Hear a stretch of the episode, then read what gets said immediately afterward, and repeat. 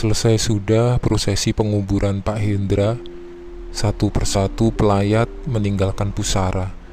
Areal pemakaman yang tadinya ramai berangsur sepi. Begitu juga dengan aku, akhirnya melangkah pergi ketika hanya tinggal beberapa orang saja. Suasana acara pemakaman selalu begini. Hawanya sedih, rasa kehilangan mendominasi.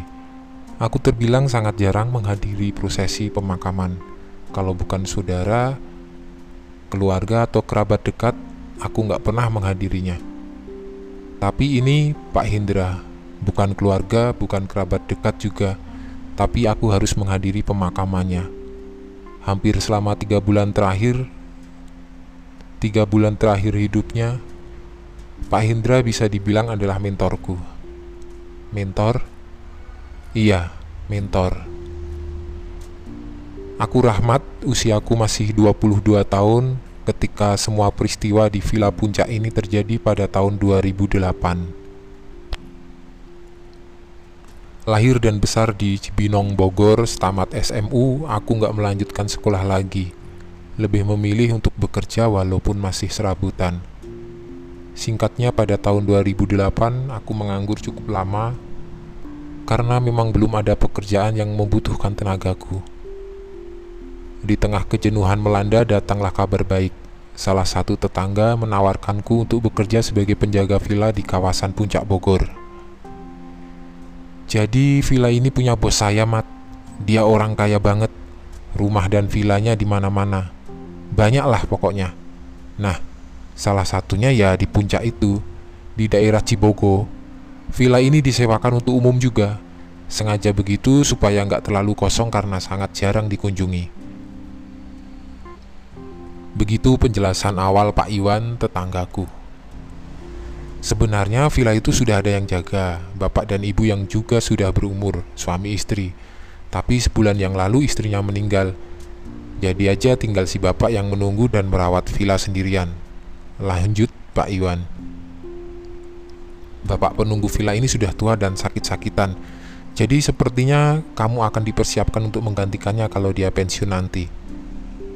Pak Iwan masih melanjutkan. Kata Pak Iwan juga pemilik villa sangatlah baik orangnya. Dia selalu mengutamakan kesejahteraan orang-orang yang bekerja dengannya. Gimana? Kamu mau nggak?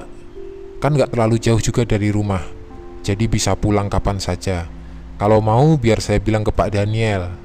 Mau. Pak Daniel adalah bos Pak Iwan.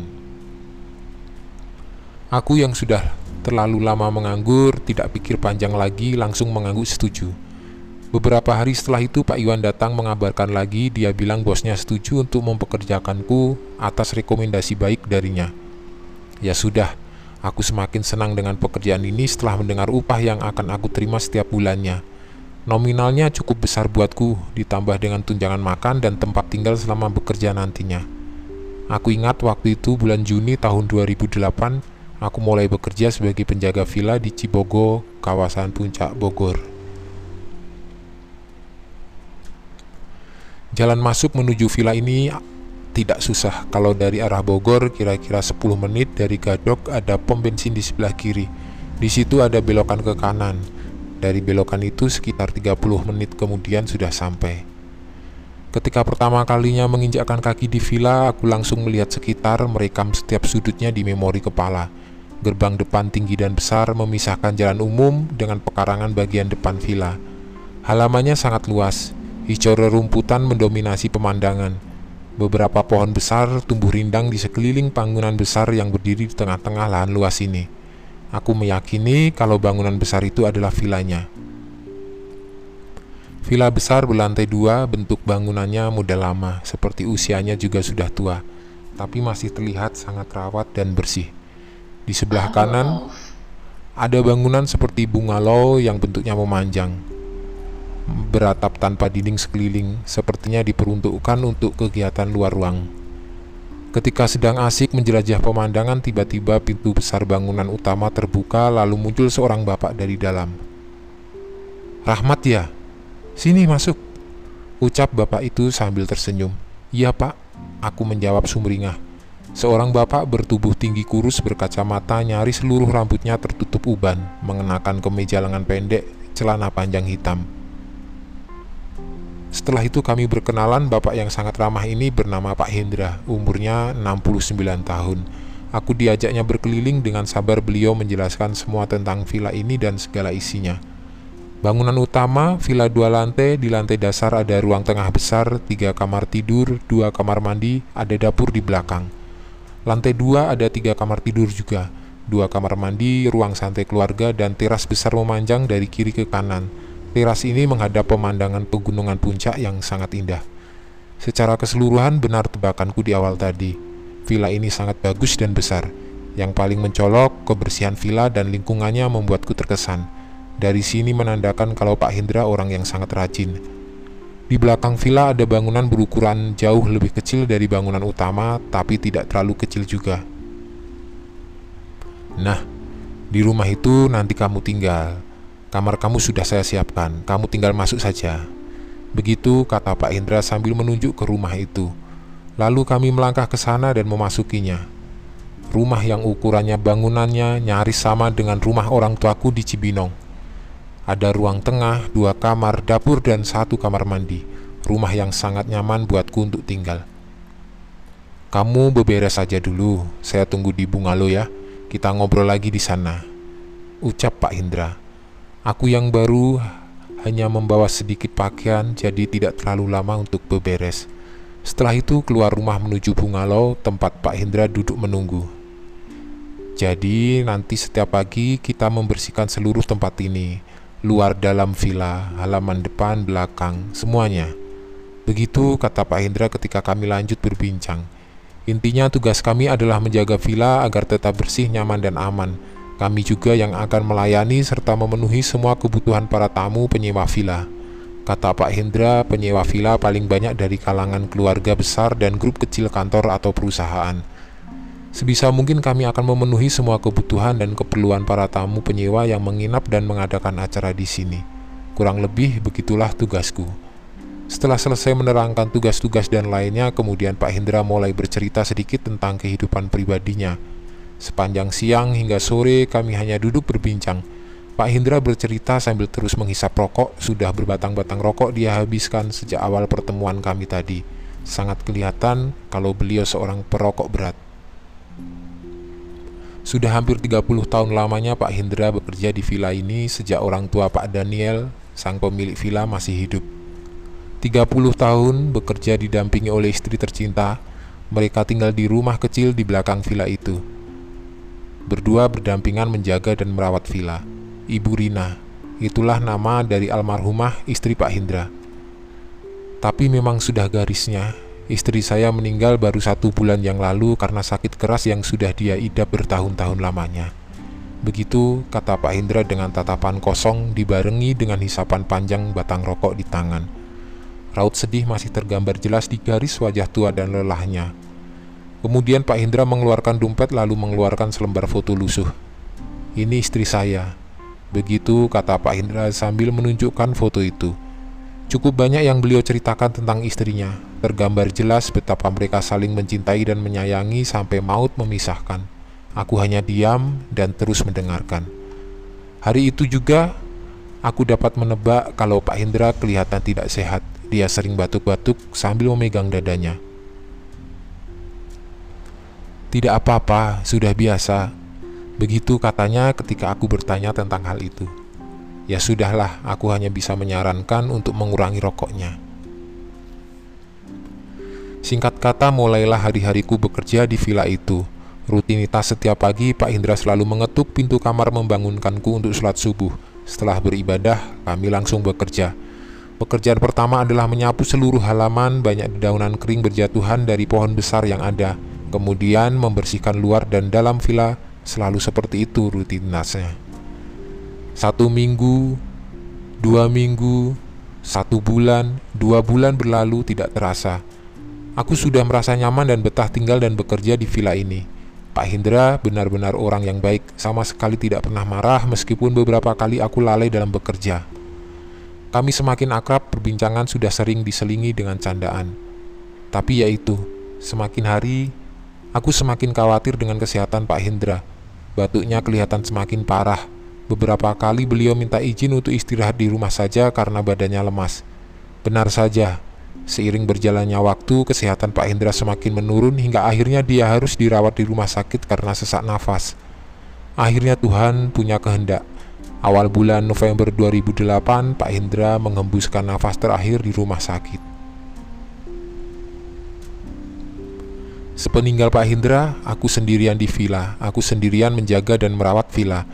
Tidak bisa dipungkiri kalau aku sangat terpukul dengan meninggalnya Pak Hendra, ditinggal sendirian ketika sudah merasa nyaman bekerja berdampingan dengannya, ketika kami sudah semakin dekat dan akrab. Tapi roda hidup harus terus berputar, aku harus terus berjalan. Pemilik villa bilang dia akan mencari satu orang pekerja lagi untuk menggantikan posisi Pak Hendra. Jadi aku tidak akan dibiarkan lama-lama bekerja sendirian. Tapi sambil menunggu orang baru datang, aku terpaksa harus bekerja sendirian, harus tinggal di villa ini sendirian. Eh, bentar, tinggal dan kerja di villa sendirian. Hmm, ternyata tidak juga. Kenapa begitu? Karena aku sering merasakan kalau almarhum Pak Hendra dan istrinya masih ada di sini, masih di villa ini. Dalam artian sesungguhnya, Aku merasa kalau mereka masih tinggal di sini. Tok tok tok. Iya, Pak. Aku menjawab, ketukan di pintu kamar masih sangat mengantuk karena kurang tidur malam sebelumnya. Lalu aku menjawab, "Iya, Pak."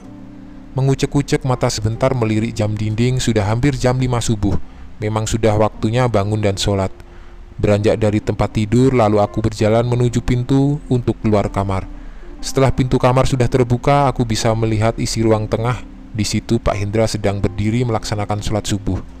Seperti biasa, dia mengenakan baju koko kesayangan dan sarung berwarna gelap lengkap dengan kopiah putih di kepala. Ah, Pak Hendra sudah mulai duluan ternyata. Begitu pikirku dalam hati. Aku langsung buru-buru ke belakang untuk berwudu. Setelah selesai, aku langsung melangkahkan kaki menuju ruang tengah dengan niat menyusul Pak Hendra yang sudah duluan sholat. Tapi sesampainya di ruang tengah, aku terheran-heran karena tidak melihat Pak Hendra lagi di sana. Ke mana beliau? Apakah sudah selesai sholatnya? Dek. Jantungku serasa berhenti. Detik berikutnya aku terhenyak kaget, nyaris menangis ketika akhirnya tersadar. Aku baru ingat kalau Pak Hendra sudah meninggal sehari sebelumnya dan aku menghadiri pemakamannya kemarin. Kemudian dalam sholat subuh itu, aku menahan tangis sedih. Sendirian di rumah, aku masih merasakan kehadiran almarhum. Itulah kejadian aneh yang aku alami di hari pertama setelah Pak Hendra meninggal. Hari-hari berikutnya beberapa kali aku mengalami kejadian janggal dan menyeramkan. Salah satunya kejadian berikut ini. Kegiatan rutin setiap hari yang aku lakukan adalah membersihkan villa, setelah ada tamu ataupun tidak ada, aku menyapu dan mengepel lantai, membersihkan kamar mandi, menyekat debu, dan lain sebagainya. Suatu hari belum lama dari meninggalnya Pak Hendra, aku sedang membersihkan villa di lantai dua. Memang biasanya seperti itu, aku membersihkan lantai dua terlebih dahulu, setelah selesai baru membersihkan lantai satu. Posisi villa yang jauh dari jalan umum dan keramaian menjadikannya sangat sepi walaupun di siang hari. Aku yang sedang membersihkan lantai dua nyaris bisa mendengar suara apa saja meskipun samar. Nah, aku langsung menghentikan kegiatan ketika ada suara dari lantai bawah. Jelas terdengar kalau salah satu keran di kamar mandi bawah tiba-tiba hidup. Suara airnya terdengar mengocor deras jatuh ke dalam ember. Seperti ada yang sedang menampung air di ember. Tapi siapa? Ya tidak tahu, karena dapat dipastikan kalau aku sedang sendirian di dalam villa ini. Beberapa saat kemudian keran itu mati sepertinya ember sudah penuh. Aku masih diam berdiri pada posisi awal dengan tangan masih memegang sapu, terbengong-bengong cuma terdiam coba mencerna apa yang sedang terjadi di lantai bawah. Lalu terdengar suara langkah kaki-kaki yang melangkah di atas ubin. Samar, tapi aku masih bisa mendengarnya. Itu siapa? Semakin aku penasaran. Aku yang sedang berada dekat dengan pintu kaca melirik keluar. Dari kejauhan kelihatan kalau pintu gerbang dalam keadaan tertutup. Tidak ada kendaraan yang parkir juga, jadi harusnya tidak ada siapa-siapa. Lalu siapa yang sedang berada di bawah? Suara-suara terus saja terdengar, kadang samar, kadang jelas, yang pasti sedang ada kegiatan. Suara cipratan air yang disiram ke lantai, lalu suara kain pel yang bergesekan dengan ubin, semuanya aku dengar. Seperti ada yang sedang mengepel lantai bawah. Aku yang sejak tadi berdiri diam akhirnya memberanikan diri untuk melangkah menuju tangga. Di ujung atas tangga perlahan aku memaksa untuk mengintip ke bawah. Awalnya hanya kelihatan sebagian kecil saja. Itu karena aku masih ragu. Perasaan ini campur aduk antara was-was, takut, dan penasaran. Tidak ada siapa-siapa. Aku tidak melihat apa-apa. Lalu berpindah posisi masih di ujung atas tangga aku mencari spot yang memungkinkan aku bisa melihat dengan lebih jelas dan lebih luas lagi. Tapi tetap aku masih belum melihat apa-apa, tidak ada siapa-siapa di lantai bawah. Semakin penasaran dan semakin berani, kemudian aku melangkah menuruni beberapa anak tangga. Dari sinilah akhirnya aku melihat sesuatu. Aku melihat seseorang. Aku menahan nafas, ketakutan. Aku melihat Pak Hendra sedang mengepel lantai bawah bagian belakang. Dia berjalan mundur membelakangi aku yang diam berdiri di ujung atas tangga. Dia mengenakan kemeja lengan pendek yang biasa dipakai semasa hidupnya. Terus melangkah mundur perlahan sambil kedua tangan memegang gagang kain pel. Aku terus terpana menyaksikan pemandangan itu, sampai-sampai tidak sadar kalau sebenarnya ada yang sedang memperhatikan aku. Iya, Ternyata ada sosok lain yang sedang memperhatikan aku. Di sebelah meja makan, depan lemari, ada perempuan tua sedang berdiri diam menghadap ke arahku. Aku yang akhirnya sadar kalau ada sosok lain selain Pak Hendra semakin ketakutan karena aku kenal dengan sosok perempuan itu. Aku yakin kalau dia adalah Burina, istri Pak Hendra. Burina terdiam, berdiri mengenakan baju terusan berwarna gelap rambutnya diikat sanggul. Perlahan dia tersenyum ke arahku, senyum ramah, lalu aku membalas senyumannya. Sementara Pak Hendra masih terus mengepel lantai, posisinya masih membelakangiku. Cukup lama aku dia memperhatikan sampai akhirnya tersadar kalau dua orang itu sudah meninggal. Memaksa kaki melangkah mundur, aku kembali naik ke lantai dua. Kemudian, di teras depan aku duduk melamun, ketakutan, memikirkan kejadian seram yang baru saja aku alami. Satu bulan setelah meninggalnya Pak Hendra, aku kedatangan tamu seorang pemuda yang usianya sama denganku. Dia bilang dia diterima kerja di sini membantuku menjaga dan merawat villa. Sebut saja namanya Roni. Dia warga Bogor juga, sama denganku. Singkat kata, akhirnya aku tidak sendirian lagi. Sudah ada Roni yang membantu. Selama beberapa hari kerja aku sudah bisa melihat kalau Roni sangat rajin, menyenangkan juga, enak untuk dijadikan teman ngobrol. Aku yang sudah sebulan sendirian di sini jadi cukup senang dengan kehadiran teman kerja yang baru. Tapi sayangnya Roni bekerja hanya sekitar satu minggu, tiba-tiba meminta izin untuk berhenti bekerja. Tidak bisa dirayu lagi. Dia bersikukuh untuk berhenti. Ya sudah, aku tidak bisa memaksa tapi sebelum pergi aku harus tahu apa alasannya, apa yang membuat dia ingin berhenti. Saya tidak kuat, Mat. Villa ini banyak hantunya. Takut. Begitu katanya. Banyak hantunya gimana? Emang kamu melihat apa? Tanyaku penasaran. Memang aku belum pernah bercerita kepada Roni tentang kisah villa ini sebelum dia datang. Belum cerita tentang Pak Hendra dan istrinya. Khawatir dia jadi ketakutan nantinya. Makanya Roni tidak tahu apa-apa. Lalu Roni melanjutkan ceritanya. Dia bilang dia pernah melihat ada dua orang sedang sholat di ruang tengah di tempat tinggal kami, tengah malam ketika Roni ingin kamar mandi. Dua orang itu laki-laki dan perempuan yang lelaki berdiri di depan sebagai imam, yang perempuan makmum di belakang. Roni yakin kalau mereka bukan orang, makanya dia sangat ketakutan, tidak berani keluar kamar sampai pagi menjelang. Berikutnya kejadian seram ketika dia sedang menyapu villa di lantai satu. Ketika sedang tekun menyapu lantai, Roni kaget karena mendengar ada suara cekikikan suara perempuan tertawa. Sontak, dia langsung melihat ke arah sumber suara, yaitu kamar tengah yang kebetulan pintunya terbuka lebar. Awalnya Roni terdiam, terpana, seperti terhipnotis karena melihat pemandangan mengerikan di dalam kamar. Ada seorang nenek yang sedang duduk di atas tempat tidur, rambut putihnya tergerai panjang, memakai baju terusan berwarna gelap. Sosok nenek itu duduk menatap Roni yang sedang berdiri tidak jauh. Senyum mengembang di wajah pucatnya, sekitar kedua mata berwarna gelap, sungguh mengerikan penampakannya. Hanya beberapa detik Roni memandang nenek itu, berikutnya dia terbirit-birit lari keluar villa peristiwa yang jadi pemicu dan semakin membulatkan tekad Roni untuk berhenti adalah di malam terakhir dia tidur di kamarnya. Seperti biasa, setelah seharian bekerja, malamnya kami berbincang sambil menonton TV di ruang tengah di rumah kecil tempat tinggal kami.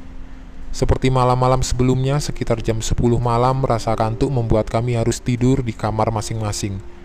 Aku di kamar depan, sementara Roni di kamar belakang. Roni bilang malam itu dia langsung tidur lelap di alam mimpi.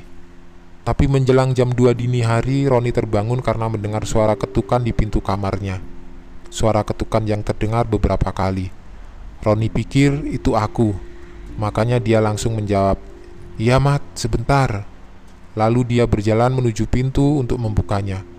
Betapa terkejutnya dia, ternyata bukan aku yang sedang berdiri di depan pintu, tapi ada sosok bapak tua yang dia sama sekali tidak mengenalnya. Bapak itu hanya diam berdiri menatap Roni, wajah tanpa ekspresinya jelas terlihat di keremangan cahaya. Ketakutan yang masih memenuhi isi kepala semakin membuncah ketika Roni tiba-tiba melihat ada sosok lainnya yang muncul dari bagian belakang rumah. Ada sosok ibu tua dengan rambut panjangnya berjalan mendekati Roni yang masih berhadapan dengan sosok bapak tua di depan pintu. Ibu tua itu akhirnya berhenti dan berdiri tepat di belakang si bapak tua. Mereka berdua berdiri menatap Roni yang masih saja diam dalam belenggu cekam ketakutan. Wajah mereka pucat pasi tanpa ekspresi. Tapi lambat laun perlahan mereka mulai tersenyum. Mereka tersenyum menatap Roni dengan wajah yang sungguh menakutkan. Entah datang dari mana, akhirnya Roni punya kekuatan untuk menutup pintu kamar, membiarkan dua sosok menyeramkan itu tetap di ruang tengah. Sambil menangis pelan, Roni duduk ketakutan di sudut kamar. Berikutnya, suara ketukan pintu masih sesekali terdengar. Itu sebabnya Roni tidak bisa terlelap sampai pagi menjelang. Esok paginya, dia langsung membereskan barang-barangnya, lalu bilang kepadaku kalau ingin berhenti dan pulang hari itu juga. Aku bisa menerima dan mengerti alasan yang dikatakannya, karena kamar yang Roni tempati memang dulunya adalah kamar milik almarhum Pak Hendra dan almarhumah istrinya. Begitulah beberapa kisah yang aku alami selama bekerja di villa ini. Banyak juga penyewa villa yang punya cerita seram ketika menginap di sini. Sekedar info, aku masih bekerja di villa ini sampai sekarang akan sangat senang kalau ada teman-teman yang berkenan membawa keluarga besar atau bersama teman kantor untuk menginap di sini. Harga tidak terlalu mahal, fasilitas lengkap. Bagaimana? Tertarik